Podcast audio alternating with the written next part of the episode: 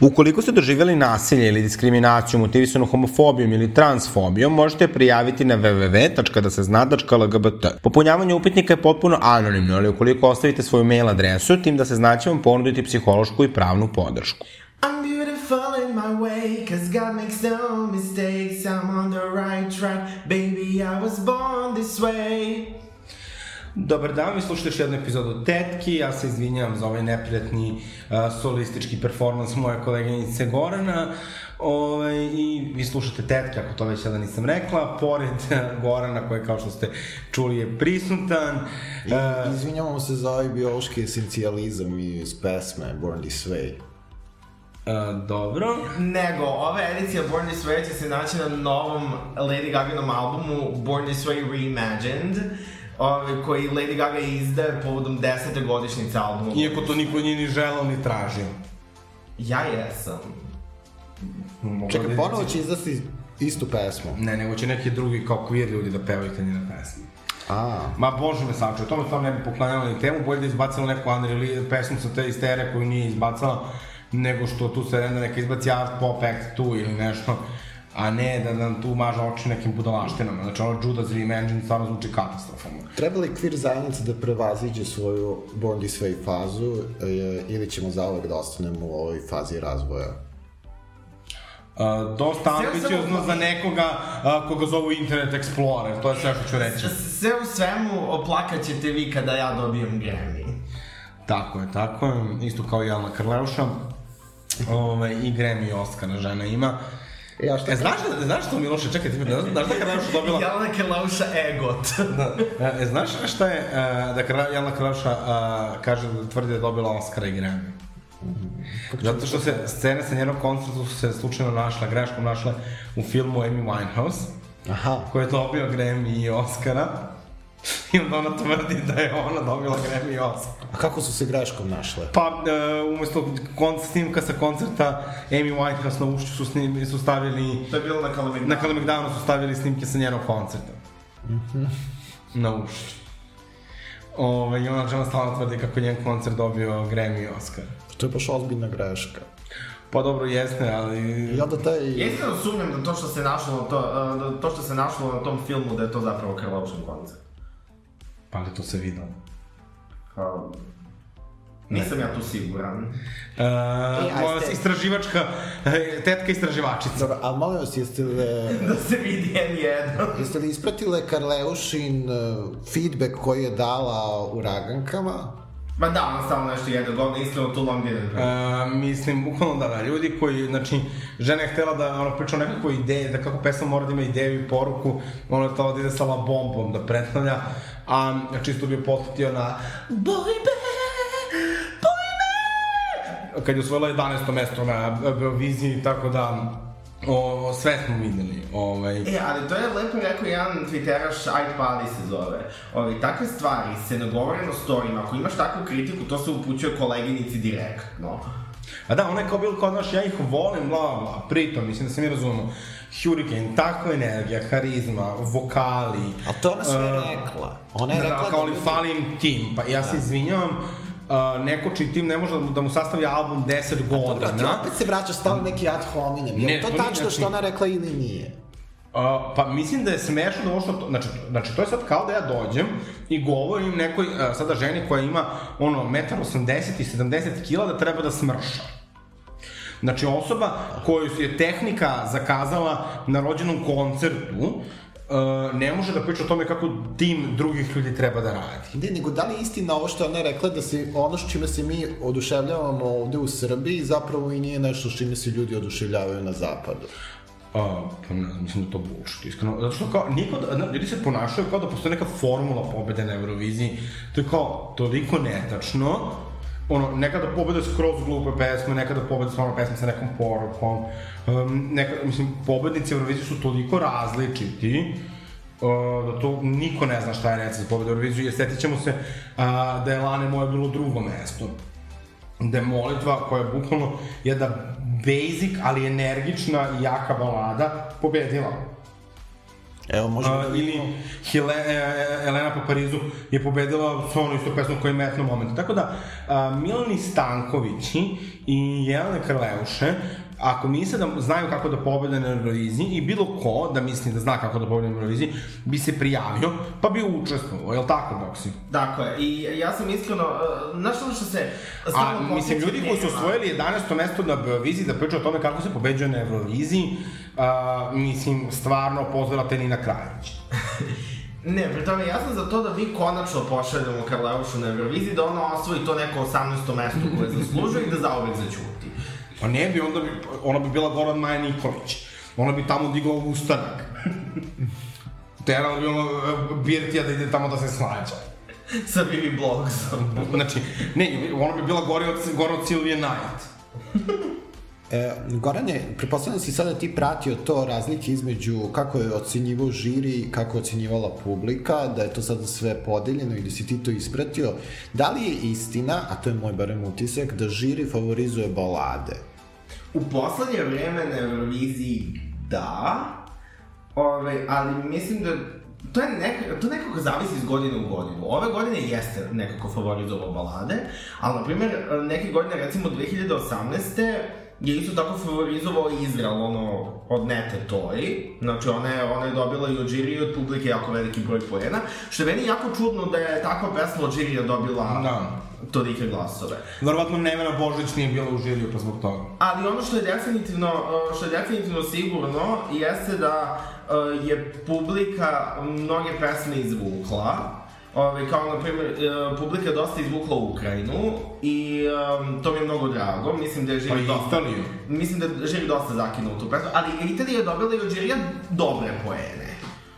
Ono, ona je prema žiriju bila tipa četvrta, peta. A ko bira žiri? I Finska je dosta se izvukla na kubu. Pa, žiri biraju ove, uh, televiziju koje šalju predstavnike. Znači, naš žiri su kao Milan Stanković, Nevena Božović, Nije Nevena Božović bila u žiriju. Bila je... o, uh, Tijana Bogićević, Tijana Bogićević, Milan Stanković, Ekstra Nena, Ivana Peters, um, i... Znači, svi ljudi koji bukvalno još u neko, 30 godina nisu imali jedan hit. Čekaj, Milan Stanković? Da. Da, Milan Stanković, a meni je Ekstra Nena najveći. Znaš ko je Milan Stanković?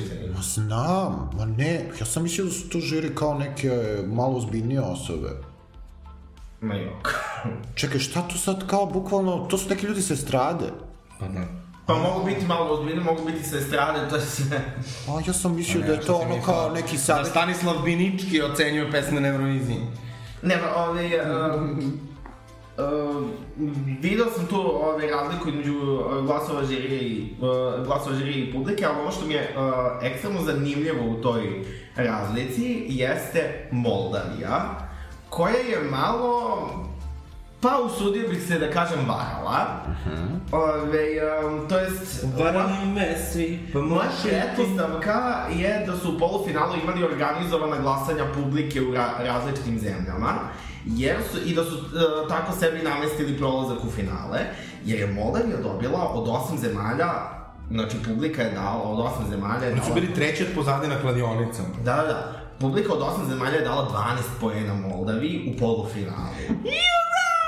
Znači, da, a, gospod Bože. Ali ne, a meni je dobra bila ta pesma. Svi su su duvači, ono... Tum, Ne, ta pesma ima odličnu muziku i Raška. tekst koji uopšte ne ide nekako uz to lepo. Mislim, slatka je, ali... Ali Htio sam- slažem se da nema refren. Samo da kažem za ove, uh, glasove. Znači, dobili su 8 puta po 12 pojena od publike u polufinalu da bi prošli u finale. I onda u finalu od tih 8 zemalja, uh, nekoliko zemalja im nije dalo ni jedan poen od publike. Malo je ono, malo je čudno da je publika promenila mišljenje ono tipa u roku od dva dana, pri tome nije izbio nikakav ni skandal ono tipa u Moldavi, niti nikakav skandal izbio u vezi sa pevačicom, znači kao ništa se posebno nije desilo. Videli su Italiju i oduševili su se. Ja da rekala čak. Gospode Bože, o čemu sad da se razgovara? A dobro, ajde da kažemo, šta su vam još najjači utisci s Eurovizije? Evo, Miki, tebi? Uh, pa, eto, mislim, nemam neki poseban utisak, ja sam u žalosti jer mislim da ta italijanska pesma to nije, mislim prosto nije moj cup of tea, eto, ajde. Kaže što još stažem. Za lokal, kaže nije moj cup of tea. Ja sam, ja sam iskreno zadovoljan pobednikom, zato što Mislim, nije Italija meni bila favorit ni u jednom trenutku, meni su krajnji favoriti bili Rusija i Ukrajina, ali... Um, Ordur bizar. Ali nekako, ove, uh, prosto znam ko su bili favoriti prema kladionicama, znači to su bili Italija, Francuska, Švajcarska i Malta. I meni od, od te četiri pesme Italija realno najbolja. Ove, meni su Francuska i Švajcarska bila baš predosadna, onako malo liftovska muzika, ali dobro.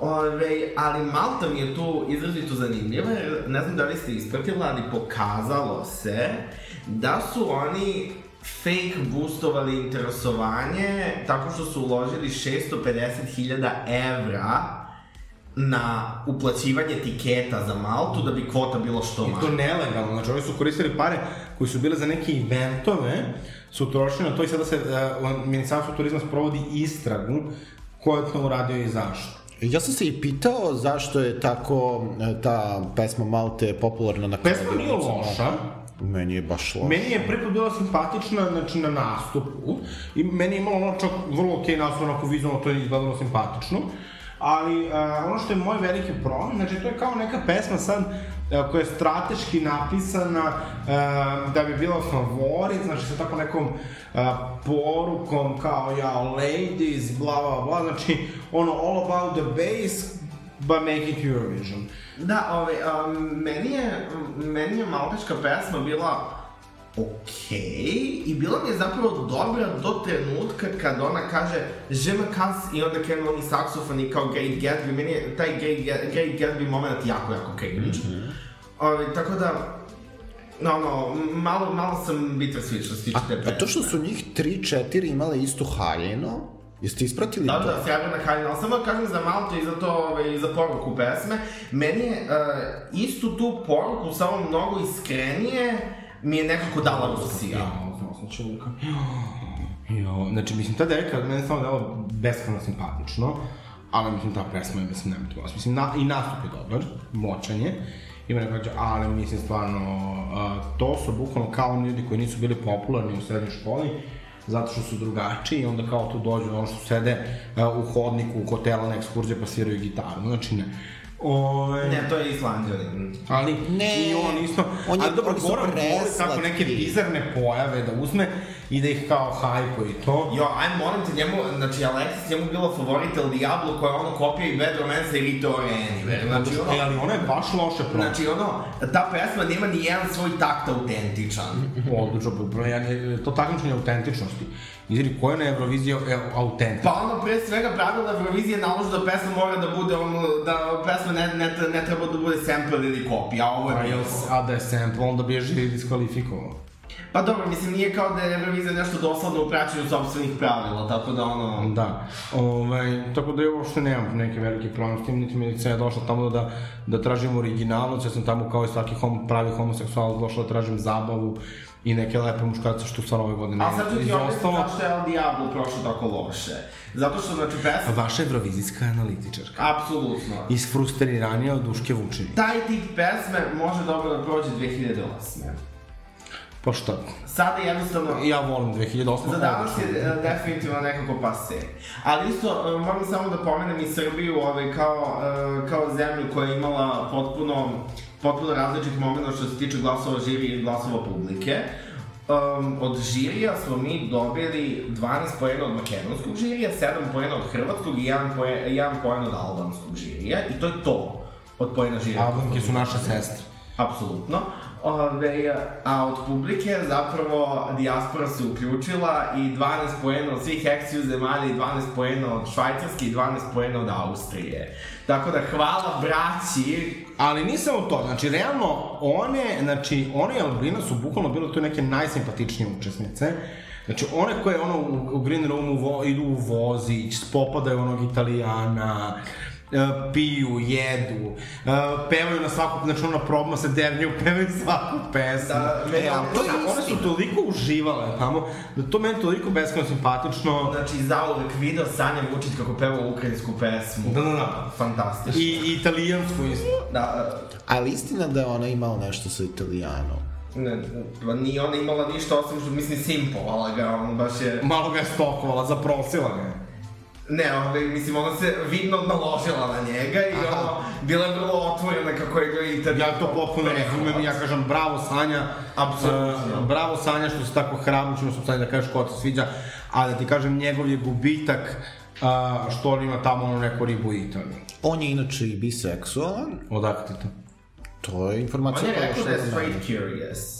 Tako se izrazio. Sad šta, šta god to značilo. Aha, straight curious. A čekaj, to je znači... Da li kao uh, straight, ali kao curious prema ostalim stvarima? Čekaj, zar nije kad si gay curious, onda si generalno straight? Bi a, curious. a št, čekaj, nije mi E, sad... ne znam ni šta to znači, niti me da ti iskreno kažem, zanima.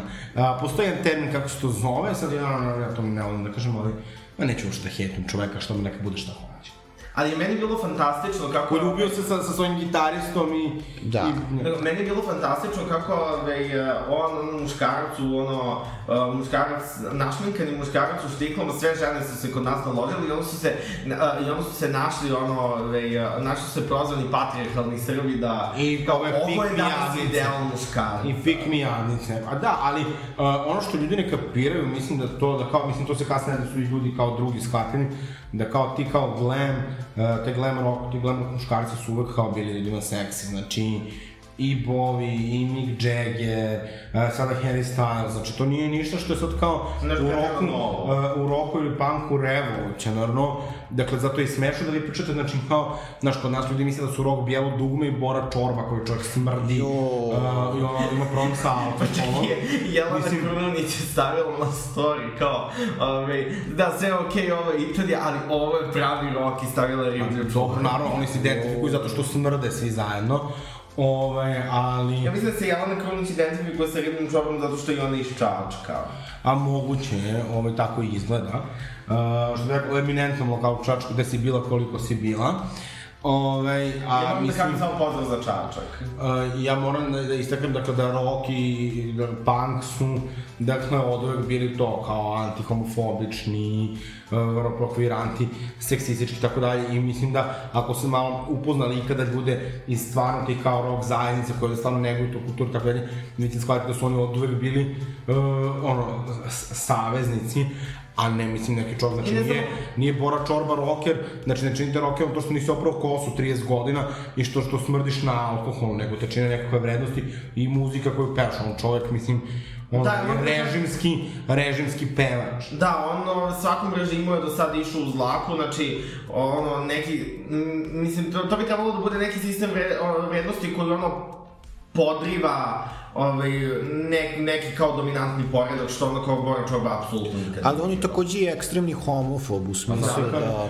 Uh, ali baš ekstremni, on je bukvalno u... Ali on je zapravo čovjek, mislim, ono čemu je najekstremniji to u tome što smrdi. U emisiji Balkan Info on je rekao da nas dobro, treba mislim- ubiti. Tako, Geve treba ubiti, buk, ne, streljati, bukvalno streljati, da citiramo ovaj, Boru Čorbu. Pa dobro. Ja nešto ne bih citirao Boru Čorbu, tako, mislim da možemo da nastavimo da... Ove, što bi rekao da je živa i zdrava za mene umrla. Pa ni da je čovek- živa ni zdrava. Čovek zaista izgleda a, kao nečija prababa. Ali mislim, to je onda i pitanje institucija, znaš, ono kao, da kada ti to podneseš krivičnu prijavu protiv njega, tužilaštvo to ne prepozna kao uh, go, ovaj, pretnju. Pa šta je? Ne pretnju, nego zapravo raspirivanje uh, rasne i druge A netrpeljivosti. dobro, ovde mislim država isto ne može Acu Lukasa dva meseca da dovede, ne dva meseca, nego šest meseci da dovuče na saslušanje. Mislim, tako da mi od ovog sistema i zaista ne očekujemo da funkcioniše. Mislim, mi se naravno trudimo da ga podržimo, ali Ovaj, ali, bitno da se mi bavimo italijanom i da li se on drogirao i tako drugim nekim. Ja, kako vam je to? Ja, meni je taj skandal toliko cringe. Znači, svi ti ljudi koji su se izjugunili kao da li se on drogirao užu na televiziji, brate, pa i da se drogirao kao... Koliko, mislim, ja stvarno mogu gledati da se mi i dalje šokiramo takvom budalom. Koliko boli dupe? Pa dobro, mislim, ono, okej, okay, to je live program koji, ono... Ja kažem da ti je Goran bukvalno dveri ovde među nama. Ne, ali kao to je live program i ono kao family... Dobro, ljudi mogu da piju alkohol, uh, tamo imaju svi imaju... A dobro, kao, ali razu, razumem da je nekome problem što se on drogira na nacionalnoj To mi je kao ono u Simpsonima, ona Flandersova žena, anybody Ali realno on se nije drogirao. Ali i da se drogirao, da li nam je to A sad nije se drogirao. Nije se drogirao. Znači, kao? Pa, znači... Ovaj, šta je šmrkao Kad se, nije ništa šmrkao. Kad se pogleda snimak, kad se pogleda snimak, tačno se vidi da je bukvalno daleko od bilo kakve, ono, ravne površine. Znači, ono, bukvalno stoje na metar od njega. Samo je da, pa, pa možda je on ovako nešto iz eh, prstena. A, Ruke su mu takođe, ruke su mu takođe A, bile Iz prstena se šmrče i truju ljudi samo u španskim serijama. Ove, tako da, ono, on, on se samo nešto sagnuo. To je Da teo da napuderiše nos, verovatno bi otišao u toalet i Upravo u, to. u, uradio se. Pa dobro, ali ajde kažemo, čak i da se drogirao, to bi bilo Da okej. drogirao mene. Mislim, ni mene iskreno boli Znači, ja ne mogu da verujem, znači, Kapiram zašto bi bio ljudi, skandal. ljudi piju, ljudi puše, evo mi pijemo Coca-Cola, znači, to su sve štetne stvari. Znači, ja ne znam, znači, taj lažni moral je meni to, to, to, to mi je, to je najpalnačkija stvar na svetu, je to zgražavanje nad stvarima koje zapravo ogromnom broju ljudi radi i koje uopšte zapravo su ono pitanje ili individualne odluke. Znači, što se mi ne zabrinemo nekim uh, bitnim pitanjima na toj Euroviziji? Na primer.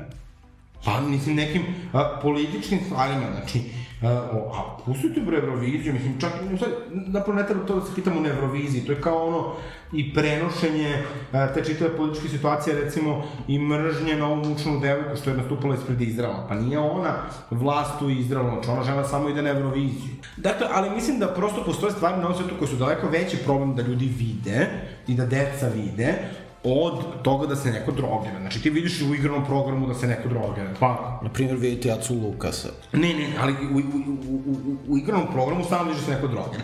Onda se dete pita šta je to? Ti kažeš to je sine, evo ja ne znam da razlikujem. Heroin, kokain, i tako dalje. To je psihoaktivna substanca, to nije legalno da se uzima, nije preporučljivo, bla, bla, bla, truć, truć, hoćeš da umreš toga, pa nećeš da umreš. Znači, uvijek je bolje da se neko o stvarima bude iskren. Recimo, u nekim državama imate one centre gde se ljudi drogiraju, znači ne možete da kupite drogu, nije legalno i tako dalje, ali ti odeš u drogiraš u kabini, znači već šta ko šta voli, i imaš lekara da ne umreš. I ako hoćeš da potražiš pomoć da se lečiš, moraš odmah da dobiješ na licu mesta. Znači, meni je to daleko bitnije, A mislim da, da ta cenzura pomaže ovaj, u suzbijanju droge ili bilo čega, pa mislim ljudi bi prestali da se drogiraju. Ili ne bi ni počinjali, ali dakle, očigledno, nas u osnovne škole, znači da ti ako popušiš jedan joint, sutra ćeš da počneš da uzimaš heroin, prekstra ćeš da umreš. A u, u, umeđu vremenu ćeš da prodaš sve iz kuće. To je tako izgledalo, zaista. A sa decom treba biti iskren i otvoren. Znači, ne da im kažeš ti kao, ej, drogiraj se, nego kao, to možda baš nije najbolja stvar da radiš, zato što nemaš samo kontrolu, utiče na tvoj nervni sistem, stvara zavisnost, bla, bla, bla, truću, struću, ali tako? Pa pitanje je zapravo e, procene svakog društva da li može e, zabranu efektivno da sprovodi. Znači, ako ti zabranu možeš efektivno da sprovodiš, a, nad nekim ponašanjima koji su other regarding, to je sada jedno isto pitanje. Da li ti smeš da ljudima zabranjuješ nešto što se odnosi samo na njih same, na primjer kao konzumiranje droga. Ja sam protiv toga, znaš, ono, zašto? A znaš šta, ali ljudi su, mislim, skloni, mislim, različitim ekstremno autodestruktivnim stvarima. Sad ja ne znam pitanje droge, nisam dovoljno kompetentna, znači ja bih mogla da živim u državi gde sada kao neka naučna zajednica može tome da raspravlja, ali da ona isto nema neke predrasude, znači da ne bude neka ono šizofrena Danica Grujić, e, razumeš, Grujičić, e, razumeš, koja će tu kao na pomen marihuane da krene da čupa kosu i da udara glavom o sto, nego dakle neki ljudi koji su mentalno stabilni, koji, znači, ulazu u tu priču bez predrasuda, pa da mi kažemo, okay, znaš kao, Bez obzira, čak i da je destruktivno. Mislim, ja mislim da je jedna liberalna pozicija jeste da dozvoliš ljudima da radi sa svojim životima šta žele, uključujući i da sami sebi Ja naravno znam, sa ali šta je onda štetu. sa ljudima koji imaju ekstremne mentalne probleme, recimo šizofreniju, i sad ćemo mi kažemo, pusti njega da radi šta hoće, on će sad tu nešto, mislim, da da mu fretira neki, znači, mislim, kao, pa nije to baš sad sve tako, Miloše, Ne, ne, ne, ja govorim o, o, o, o šteti koju nanosiš sam sebi. Naravno, kada ti nanosiš štetu drugima, tada već se postavljaju Pa znam, pitanja i društvene intervencije. dakle, ne možemo mi da kažemo da se te stvari ništa nas ne tiču, dakle, društvo ipak mora da pruža jednu podršku svojim građanima i Da, državi. ali ne sme da određuje sankciju i da upliva u život građana u, u, u prosto To je ono što liberalna društva razlika od autoritarnih društava. Autoritarna društva smatraju da ti, e, znaju od tebe bolje kako ti treba da vodiš svoj život i onda ti se mešaju. Ali čekaj, kako sad tu kao možeš da radiš šta hoćeš, a dobro, sad znam što ćeš mi reći, koji ćeš argument reći, ali za vakcinu ne možeš. Pa zato što je u pitanju javno zdravlje. Ja bih, na primjer, dozvolio ljudima da se ne leče od Ovdje isto raka. možemo da kažemo da drogiranje, znači ti kada nosiš drogu i tako dalje, isto narušavaš javno zdravlje. Kako? Znači, ja ako se Ne, kako da ja znam da ti nosiš samo za ličnu upotrebu, da nećeš nekome da je po... Ako, Prodeš i ako tako ja narušavaš prodajem, on ti možeš da, znači, ali gledaj, ako ja prodajem, to onda neki ljudi isto dobrovoljno su u toj interakciji sa mnom. Ja, A kada, kako je da znam nećeš ti pošto dobro. ne. znači, kada je... Sve u svemu... Pobeđena sam. Sve u svemu, Alexis Vanderkant, moja, o, moja odabrana vaspitačica, Miki moja odabrana analitičarka društva.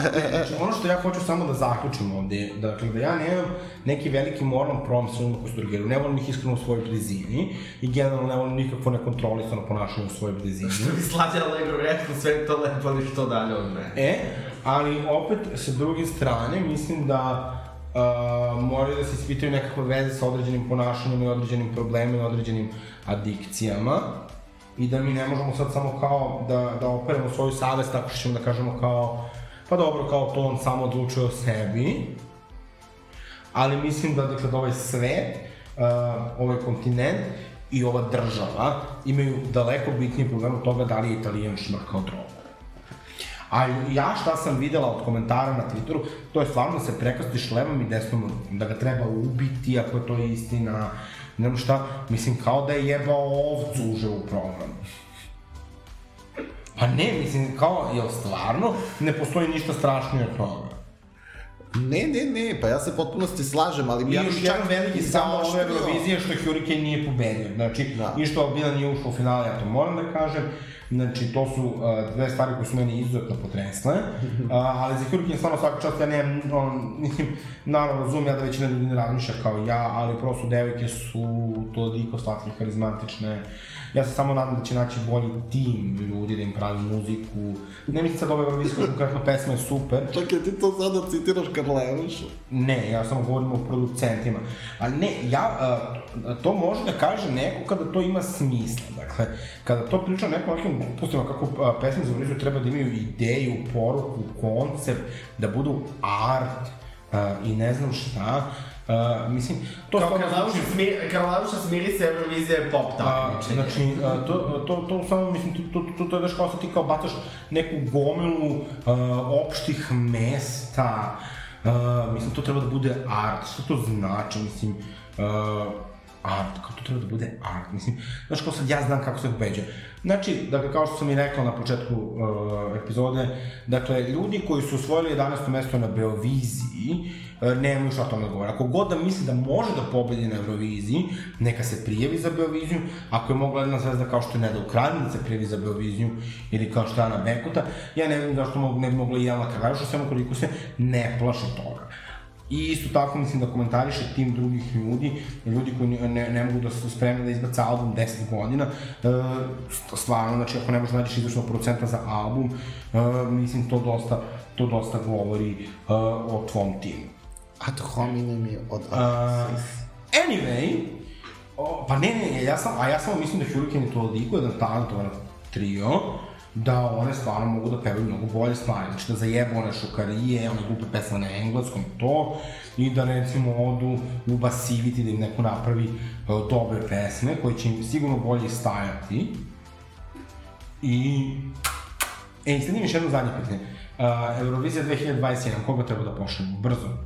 U, uh, sad si me ono, sad si me na prepad. Uh, ja mislim da ne treba da se, da se oslanjamo na već etablirane izvođače, nego da bude neko potpuno nov. Ove, Znači tetke, dobro? znači Miloše? tetke, da. Miloše? Mm, Pa dobro, slažem se tetke. Dobro, da smo se ćeš kažeš Beti Đorđević. U, može, ona je super. Ona je super. Ok, može, mi, može Miki da ode malo do WC-a. E, da, ja, meni kada bi pitali, pa, ja, ja, ja sam nekako ne bi volao da im Saru Jona na televiziji. Da, to mogu da vidim, Mnogo. ali pod uslovom. Pod jednim uslovom da se RTS tu mnogo ne pita. Ne, mi Da. smo pričali, mi smo baš pričali o tome i u prošloj epizodi, čini mi se, i ti si rekao da ako šaljemo Saru Jona ne treba da pravimo eurovizijsku pesmu, nego da ona izgleda nekom što je u njenom stilu. Apsolutno. Ja sada nisam slagala, ali sada se slažem. Možemo da pošaljemo se u Irinu. Pa, mislim, ja bih, ali ne, ne verujem da, ona, da bi ona predstavila Srbiju. Ma dajte, vi mislite da ona pati od toga. Pa ne pati od toga, ali jednostavno predstavila bi ono kao zemlju odakle. To bi bilo baš malo, malo glupo. Što bi bilo glupo, jel ova, jel Florida bio u San Marinu? A ne, Ali dobro, to je San Marino. San Marino je imao više ono izvođača od van San Marino nego i San Marino. Čekaj, ali koliko, koliko veće. puta ova Senit pre... Koji put predstavlja Senit ova? Uh, Senice i ovo je drugi put da je na Euroviziji. Prvi put je bilo Ja, tipa... ona se baš bila smorila, mene je jako zanimalo, meni je žao što nismo vidjeli te neke njene komentare kad je dobila glasove publike, koliko je popizdala. A malo je dobila od publike. Baš malo. Baš malo, tipa 13 pojena ukupno. Meni ta pesma i nije bila toliko loša. Pa nije loša, ali je ekstremno neoriginalna, ja bih tako rekla. Uh, baš je onako, uh, zato ono kad je, uh, su na- dali nekom robotu da napravi kao idealnu pesmu za Euroviziju. Šta, love, love, peace, peace. To robot, Ne, ne, ne, ne, ne znam kako se zove, nije nešto romantično, ja mislim, ali to je to, znači ne. Meni ta pesma Adrenalina bukvalno izgleda kao onaj period izla, između zlatnog vremena Granda i pre nego što uh, je krenuo ovaj trap. Senida i to. Aha, aha, Znači, da, jeste. to kad su počeli tek da sarađuju sa reperima. Da, kao neki Damir ja Kardanović. vatra, ti si benzin. Tako da, okej. E, ej, još jedno posljednje pitanje u vezi Eurovizije. Kada ćemo da ukinemo žiri? Uh, nadam se nikada. Ove, Zašto? Ja sam skroz za postojanje žirija na Euroviziji, zato što ono, dokazalo se da publika vrlo često koje kakva strane i- izvuču u prvi plan. Kao recimo 2016. kad je Lucija pobedila prema glasovima publike, znači ja pesam Bože me prosti. Ove, tako da ja sam skroz za uplitanje žirija. A ko je 2016. pobedio? Pa Džamala. Ove, Ali tad je trebalo da pobedi Australija. Ne, Džamala je, Džamala Australija. Džamala je Australija. Dani im, znači... Ne, Džamala. Ove, je... To ona pesma, ona neka... 1944. Jo, jo, nacisti. Je to ona nešto kao ona kao nešto, neka revizionistička? Pa njenu porodicu su ove, valjda proterali ove, 1944. Ove, sad, mislim, ne, ne, ne, ne, neću... A zato što oni su, kako se kaže to, Tatari. Da, oni su tatari sa Krima. Da. Ma da, oni su, mislim, bukvalno sarađivali ono sa nacistima i onda e, sada prave... Čekaj, ti sad sigurno ovo što govoriš. Ba, dobro, to ti je ono deo tih revizionističkih pokreta kao i danas, ono kao Blajburg sad isto, na primjer, kada se kao pretvaraju da ne znam ni ja, ono su to kao ubijali neki nevidan narod tamo u Blajburgu, ono, partizani su ubili Ustaše, razumeš, ono, u ratu, dok su se povlačili, tako. Evo, Miki me prozvao da sam nacistički apologet, a šta ima kod vas?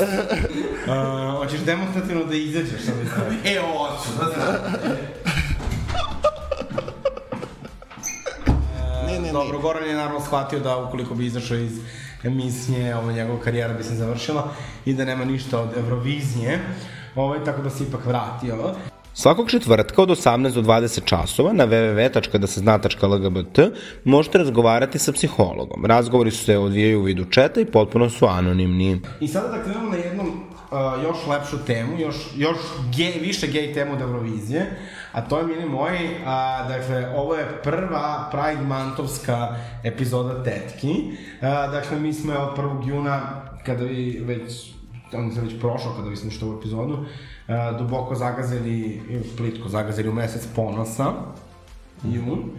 Ovo, I sad nećemo da pričamo kao onaj a, aktivistički bušet zašto se obeležava Pride Month, to već verovatno već i znate, ako ne znate, googlajte. Ovaj, pa srećan... Ko to zna? To niko ne zna. Dobro, ne Google, ajde dalje. Nije, ajde budemo malo Ko ne zna? Šta Dobro, tada se obeležila godišnjica Stonewallske pobune koja je počela uh, 27. juna uh, 1969. godine u Njujorku. Stonewall je bio bar gde se dešavala policijska racija koja je bila samo još jedna u nizu i onda su pederi, lezbike uh, i trans zajednica rešili da to više neće da trpe, krenuli ciglama na policiju, tukli su se 5 dana, Ovaj, I tako smo počeli da obeležavamo Pride, to je naš ponos i zato nikad ne treba da, zato treba da mrzimo policiju, policija nikada nije naš prijatelj, policija nije naš saveznik, uh, all cops are bastard, fag mob, woo! Idemo dalje. uh, dakle, ovo je bio quick recap, ali stvarno pogledajte, mislim da ono treba da znate svoju svoju istoriju, ali mi ovde nismo da vas obrazujemo, a ako nas platite možda možemo. Imam ja fenomenalnu prezentaciju, tako da mogu da me držim za 100 evra uh, celo predavanje od 2 sata. Uh, Goran na nešto tužno gleda. Jer, jer otkrivaš ko je prvi bacio ciglu. Pa ne, mi smo pričali smo sa onim... Uh, Ceca Boljko. uh, pričali smo sa uh, čovekom koji je bio u Stonewall tada, koji je bio naš gost jedne godine na Pride, bi, bi će imaći event i ove godine će govoriti i on prosto čovjek kaže da se to ne zna. Dakle, tako da ne pokušavajte da ono kao trans žene operete tako što ćete kao reći da su one prvi bacile ciglu, dakle trans žene ne treba ništa više da urade od toga što su deo naše zajednice, da bi bile poštovane deo naše borbe. I nije uopšte važno da li su one su bile tu i bile su tu od početka i pre toga, tako da to nije neki štiklić koji mora da obave da bi, da bi, da bi ovaj, bile poštovane sa naše strane. Uh, isto važi za sve druge, a sad da li je to bio neki uh, belici speder, ni to ne znam, ali ako je bio, eto, uh, svaka mu čast. Kogod da je svaka mu čast, i nadamo se, uh, ne znam, ne znam čemu se nadamo. Dobro, svaka čast ima na svemu u New Yorku 69. idemo dalje. Uh, e sad, šta je vama kad kažete Pride Month, ali znači budete iskreni, šta vam prvo padne na pamet? Gorane? Uh, sve ikad u duginim bojama. Miloše? Gomila usiljenih događaja. Uh, ja bih rekla isto bukvalno te Pride kolekcije.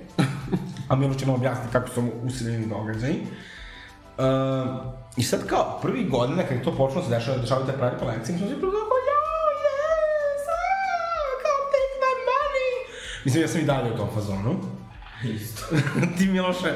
I, imam i dalje H&M gaće i čarape ovaj, sa duginim ovaj, motivima. A, ja sam želeo da kažem svaka čast Gornu koja je nečuno sipao Coca-Cola u svoju čašu, iskreno, ako ovo ne zaslužuje Grammy, ja ne znam što Ovaj Why haven't born this way, ja? Ovaj, da, ne znam da li ste ispratili, ovaj, Lego će imati svoju kao neku pravi, neki pravi set. A, video sam. I onda neko tu kao, tu je neka, šta si ono nešto podelio?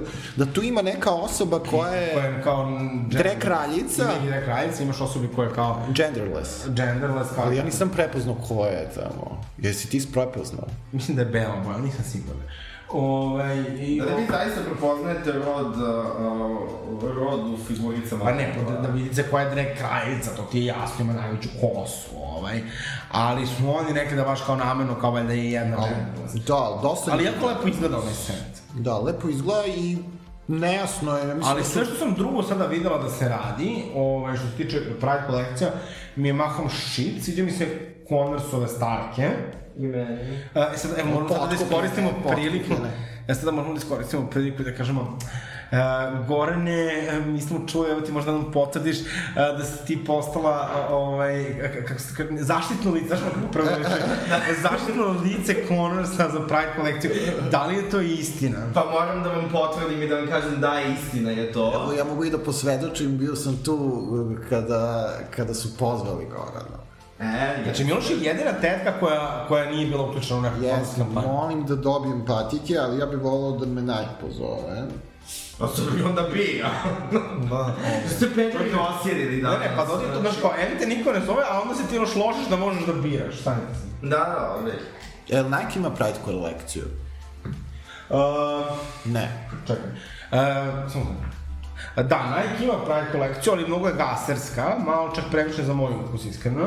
A šta je Miki da Uh, nije Meni od patika su mi, znači, uh, prošle godišnje uh, kome su mi bilo onako, znači ono što si ti dobio su mi malo previše alternativne, alternativne, ja verujem. super su. da, Pa dobro, da, ja verujem, ali- Vidjet ćete, na mom Instagramu vojinovica.jpg uskoro će krenuti kampanja, ja sam odradio sa drugaricom jedan mini photoshoot sa tim patikama i ono, čuće se. Pa vidio na Instagramu. Ne, ja sam na Instagram, a, sad, Ovi sad, ove, a, radio sam ja dva photoshoota, prvi je bio tokom noći, Da, drugi da. je bio preko dana, i sad, taj preko noći nije odgovarao zbog a, tog dizajna koji oni treba da urade na tim slikama, ove, a, tako da ove, morao sam taj drugi photoshoot da uradim, pa sam onda ove, iz prvog photoshoota sam stavio, stavio sam random slike na Instagram. Aha, aha. Tako da ove, te slike nisu ono, didn't make the final cut. Dobro, to očekujemo, a ti si dobila specijalne patike za tebe su uradili. Da. Podcasterka. Da, to je radila e, slikarka e, Jasna Danilovac. Ovaj, je radila te preslatke patike. Ja ću vam planiram, a, zapravo razmišljam da uramim jednu. Pošto evo, hoću da uramim inače svoju prvu štiklu, pošto moja prva štikla koja sam kupila za drag, jednu sam izgubila na žurci i onda mi je ostala samo jedna. I onda hoću da je uramim, pošto onako sva prljava i sjebana od, od, od, od na- nastupa. Ovaj, i hoću da uzmem i tu starku, pošto mi kao, to mi je baš super bilo. Ovaj, ali su mnogo lepe ove Pride Starke i mislim da Reebok svake godine ima jako lepe kolekcije koje su nešto ono kao minimal. Uh, ali kažem, ovo što vidim ove godine mi je stvarno ošao, videla sam Calvin Klein, videla sam um, ja se više ne mogu sjetiti šta sam sve videla, neću ja ni da komentaričem, a ono se nešto specifično, ali stvarno mi se baš dala jadno. Uh, znači, ali dobro, ajde, evo, vidjet ćemo, mislim. Uh, vidjet ćemo, nadamo se da će H&M, uh, Ikea ima one svoje cegerčiće, ajde, to je kao Ali jako je važno, znači, da brendovi, uh, pored toga što opale neku dugu na svoje proizvode, urade nešto i konkretno za LGBT E, slažem se. Tu recimo, mislim, ok, oni često doniraju neki deo novca, Ali, ali da čujemo i koliko i kome, da to sve bude Evo sada transparentno. možemo da kažemo jednu lepu stvar, to da će Ikea ove godine prodaju svojih uh, Pride proizvoda donirati uh, da se zna. U vrednosti od 100%.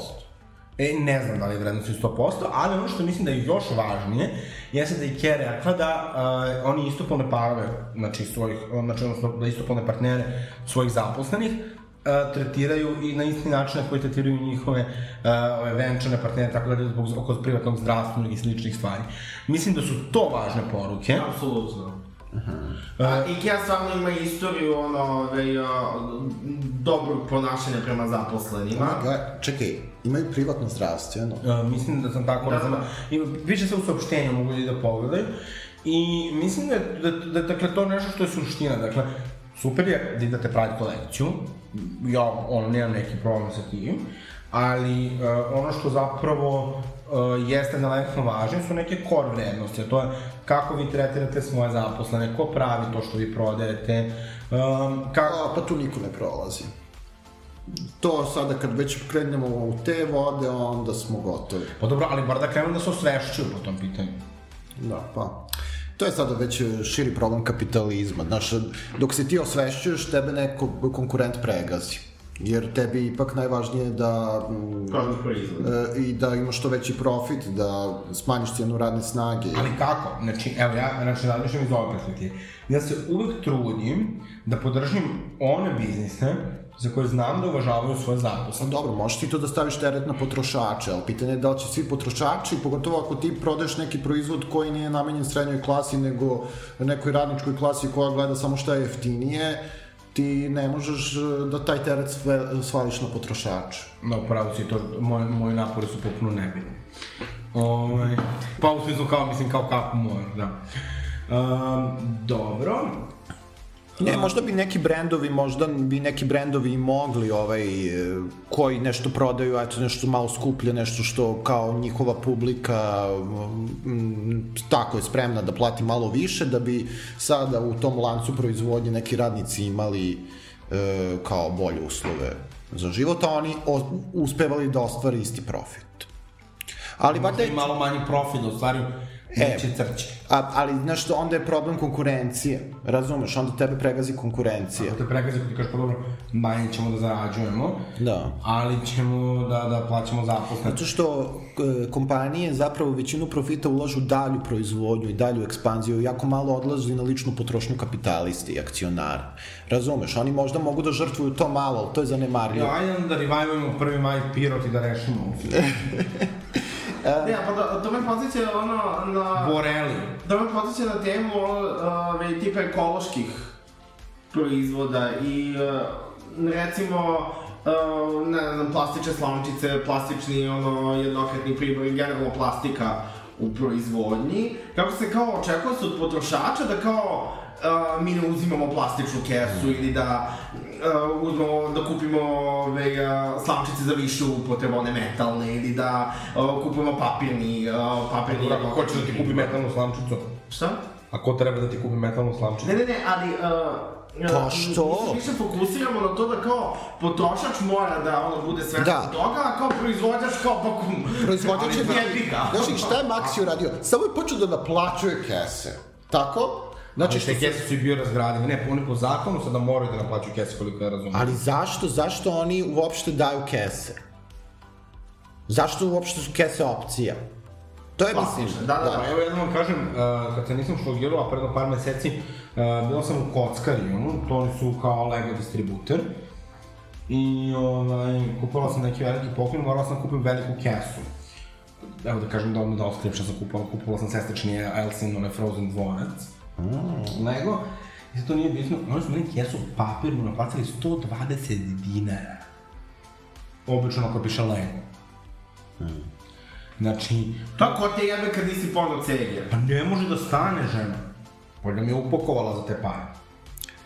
Ovaj, e, tu je, znači, ja mislim kao i za sve ostalo, uloga države je jako važna. Ali mislim da ono što sad, da. da, mislim da se vratimo 26 koraka unazad i da kažemo zapravo da to zapravo ništa nije bitno, pošto naše plastične kese i slamčice su ono, toliko mali problem u odnosu na ono što rade velike kompanije, ogromni proizvođači, da je kao ono, bizarno uopšte pričati o tome. E, dakle, po- svi naši napori su okej i lepo, znači ja sam iz porodice, ono, moja baka je bukvalno uh, uvek ono skupljala ogansko džubre, uh, nosila u vikendicu tamo, uh, posle pobiti, tako da, ali to je sve minorno dok se ne, naprave zakoni koji će, o, zašto sada, recimo, ove neke kompanije iz Kina prebacuju svoju proizvodnju u druge države ili osnovi u Srbiju, zato što neće da zagađuju svoju državu, svoju državu, A između za ostalog, zato što je Srbija prikazala lažne podatke, tako da po Parijskom sporazumu mi zapravo se kotiramo jako dobro u oni ciljevi, znate, do 2030. do 2050. u pogledu emisije ugljen dioksida, zato što smo prikazali podatke sa Kosovom i umeđu vremenu smo se kao zemlja i deindustrializovali, tako da zapravo mi kao super e, prolazimo po Parijskom sporazumu, a zapravo nam dolaze ovde kineske kampanije koje zarađuju. Ja ću vam reći samo jednu stvar, to, ovo sad zvuči stvarno bizarno. Ali, uh, kada sam za ove uskršnje praznike otišla u vikendicu, ja sam tada po, prvi put posle ne znam koliko meseci ono, ostavila svež vazduh. I kako izgleda? Pa, mislim, kao, ja, Bilo je to ovako. ne, ja se uopšte, Odahnula ja sam. ja se uopšte ne šalim, dakle, I, I to je ono faktom, znači možemo mi da kupimo metalne slančice, kao ja prva nosim ceger, sve super. Ali a, mi moramo da se fokusiramo na to ko je pravi neprijatelj i ko je pravi zagađivač. E, ali i zato još jednom preporučujem da pogledate dokumentarac na Netflixu Seaspiracy. Znači, možeš da nam pošalješ da stavimo link u opisu Da, znate zbog čega? Da vidite koliko zapravo mali procenat, e, ko- koliko je mali problem su te plastične slamčice. Većina zapravo plastike ovaj, dolazi zapravo iz tih e, mreža koje se koriste za ribolov. I, I zapravo, to je najveći problem, ali o tome se jako malo govori. A, između ostalog zato što je ono kao taj lobby ovaj, ovaj, ko, koji kao proizvodi ribu toliko jak. I to je generalno, ja mislim, pro, problem sa ovaj... Uh, uh, ja ne znam kako ćemo mi kada svi postati vegetarijanci dokle god budemo imali taj mesožderski lobby. Da. Sve u svemu Go vi- vegan, da se vratimo na Pride Month. Više o uh, ribarskom lobiju i uh, političkom veganstvu Mikija možete slušati u Mikijevom drugom podcastu koji se zove... Komunifikacija. Ne. Ova epizoda snimljena je uz podršku Udruženja Da se zna, Remarkera i regionalne asocijacije ERA. Da se vratimo na mesec ponosa. Miloša, malo pre si rekao nešto što me dosta trigerovalo, pa sad bih mogla ovako da te unakazim u Zato što smo, da, koleginice. A, Kakvi je to useljeni događaj? Znači, to je ovako, nedelju dana pre, znači, evo ovako, dva, 23. maj, svi se sete da je za nedelju dana mesec ponosa i onda kažu, ajmo nešto da radimo. I onda se napravi gomila događaja niskog kvaliteta i, i Pa ja sam prvo ne bih složila, pošto to meni nije desilo uh, 23. Uh, nego ja mesec ponosa razmišljam pomno. Uh, I ja generalno događaje radim preko cele godine, neke vrste događaja. Ovaj, uh, tako da ja se ne bih složila da je to tako. Pa dobro, možda ne u tvom slučaju. Ovaj, znači ja konkretno a, evo- u mesecu ponosa, evo ja mogu da kažem šta mi radimo, dakle radimo dva razgovora sa zajednicom i jedan će se upravo ticati ovog odnosa brendova i uh, LGBT zajednice, drugi će se ticati uh, odnosa između vlasti i LGBT zajednice uh, i konkretno bi inspirisan rečenicom uh, ovo je Radmile Vasić a.k.a. Digitron uh, koja je rekla da, sam, da smo uh, da se da SNS da su SNS i uh, LGBT zajednice u zagrljaju Ovaj, a radit ćemo i jednu diskusiju sa Koktom, što mislim da je super kolaboracija sa brandom i tome kako su oni podržali neke uh, queer influencere. I imat ćemo projekciju filma Jovanovog, ovaj, koji je on snimio o, o queer biznisima, zove se Safe Space, ili Safe Spaces, ovaj, i šta ćemo još I imati? specijal tetki. specijal tetke, tako i finale finale sezone i imat ćemo i ovo Stefanovo predavanje šparavala uh, Kvir u Bibliji, Biblija u kviru.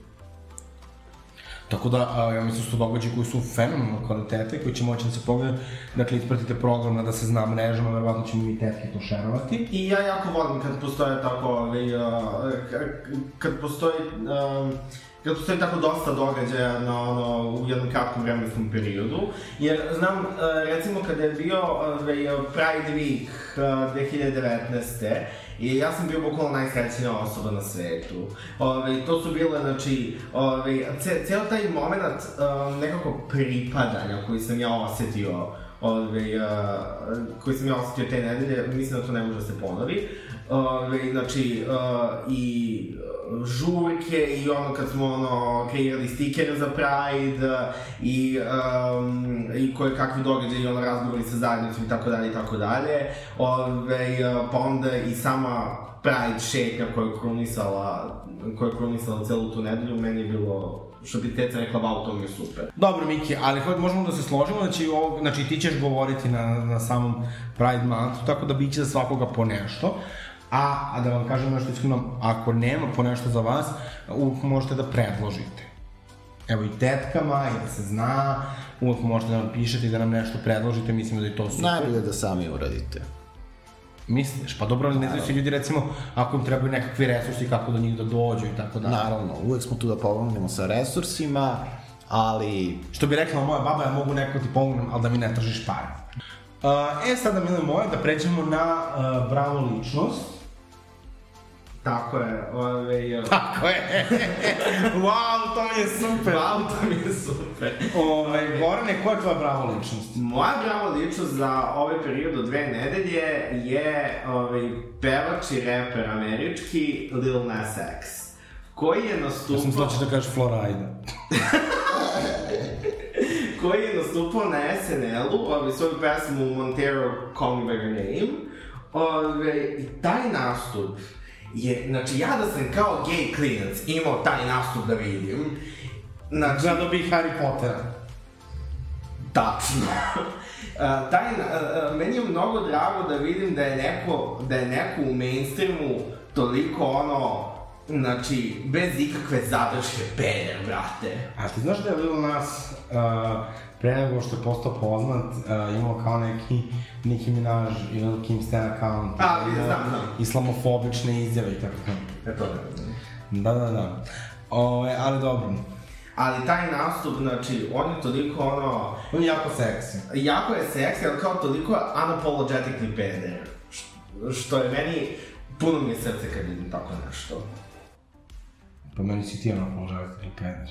Pa jesam, ali ja, ja još uvek nisam svetska zvezda. Polako mi, ali sad sa ovim Bond i sve i coverom. Uh, Miloše, koja je tvoja brava ličnost? Moja pravo ličnost je Ivanka Popović, bivša rektorka uh, Beogradskog univerziteta. Ona je dalje rektorka. Ni dalje. Do oktobra je rektorka. Dobro, do oktobra, znači sad će biti ovaj, zamenjena. Um, eto, jedna, nepra, jedna velika nepravda za ovaj, tu ženu koja je dosta uradila sada za Beogradski univerzitet i zaista je, i opet se kandidovala da bude, međutim izgubila je verovatno zbog političkog uticaja na Beogradskom univerzitetu, što tako povlači mnoge druge probleme o kojima neću da davim u ovoj vrlo zabavnoj emisiji. Ali to dosta govori kakva je elita u Srbiji. A, što se tiče mene, moja brava ličnost je Aleksandar Crnogojac.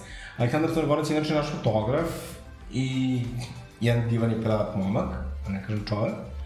Ove, ali ono što je posebno razlog je da je on ove nedelje, gde ga svi znaju, dosta ljudi zna kroz projekat Transbalkan, gde je on po celom Balkanu uh, fotografisao trans osobe i šerovao njihove priče kroz gomilu izložbe koje imao širom Balkana, a i, i šire.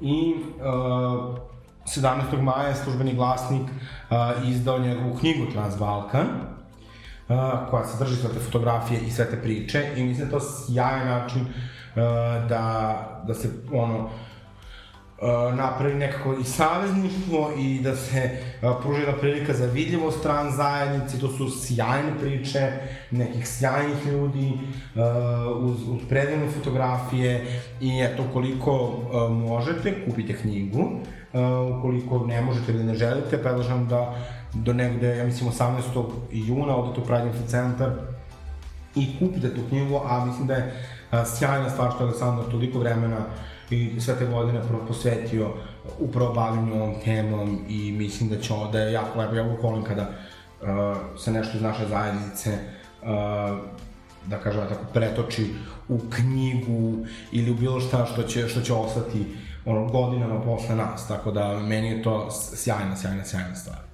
Pogotovo što se tiče ono, bukvalno najmanje vidljivih i najpotlačenijih među, među nama. Pa ništa, Mila, ajde onda da glasamo. Ajde. E, Moj glas ide Mikijevom predlogu.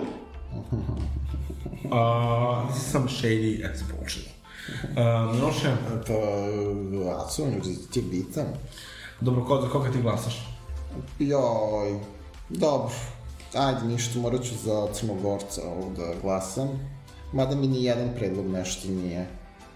Uh, ja glasam za Crnogorca. Pa ne možeš za svoj predlog da glasaš. A što ne mogu? Bože, Aleksandar. Pa kao što ne možeš da glasaš za Hurricane Never Easy. Pa onda ću ja da glasam za rektor. Uh, ja ću, mogu da E, onda je rektorka pobedila. Ti si glasao Ne, za ja svoj, nisam glasao za za rektorku. Ja ti mogu da glasam za. Vilnesa. A? Ne, ne, ne, već si Ne, glasao. tra, nisam. A, znači, ja imam pravo, uh, ja moram da idem, sada ne mogu da glasam. No, ne. E, da, e, ove, Znači, a, dobro, okej, ajde glasu Ne ja za. Ivanku. A, glasu ja za Ivanku, za iz jednog prostog razloga, što stvarno mislim da sjajna i hrabra žena i nadam se da će i dalje ostati prisutna u, u medijima i boriti se za vrednosti u koje veruje, a da možda, ovaj... E, možda da podrži Pride. Možda i da podrži Pride i nekako Evo, mesec ponosa. takvi ljudi, takvi ljudi kao što Ivanka nam, nam trebaju koji su hrabri i želimo da budu još hrabri. Hvala vam puno što ste slušali Tetke. Uh, vidimo se na specijalnoj emisiji. Da, vidimo. Season finale. Specijalno emisiji. Je- Vidimo se, dakle, Aleksis šije haljinu. O, eto, znači... Ja ne šijem ništa, ali moja harizma će biti dobra. Boga mi, šest meseci od kad smo se poslednji put, ne zapravo, šest meseci od kad smo se poslednji put videli ovako, kažem. Da. Nadamo se da ćemo jednog dana zarađivati toliko imati toliko jaku produkciju, da se snimamo svaku epizodu videa. Jo, znači, sređivanje svake druge su... Uh, Pa, a, ako imate para da mi plaćate haljine, ja ću tu vrlo rado pristati. Jadan Jovan. Pa dobro, onda nećemo, onda ćemo imati nekog boljeg da nam etuje. Kad budemo imali pare. Buon meseci ovo. Ko je bolje? ove, Jovane tet- Secilo. tetke su preglupale, tako da... Ove, Izvinjavamo. Izvinjavamo se i vidimo se u sledećoj epizodi. Poj!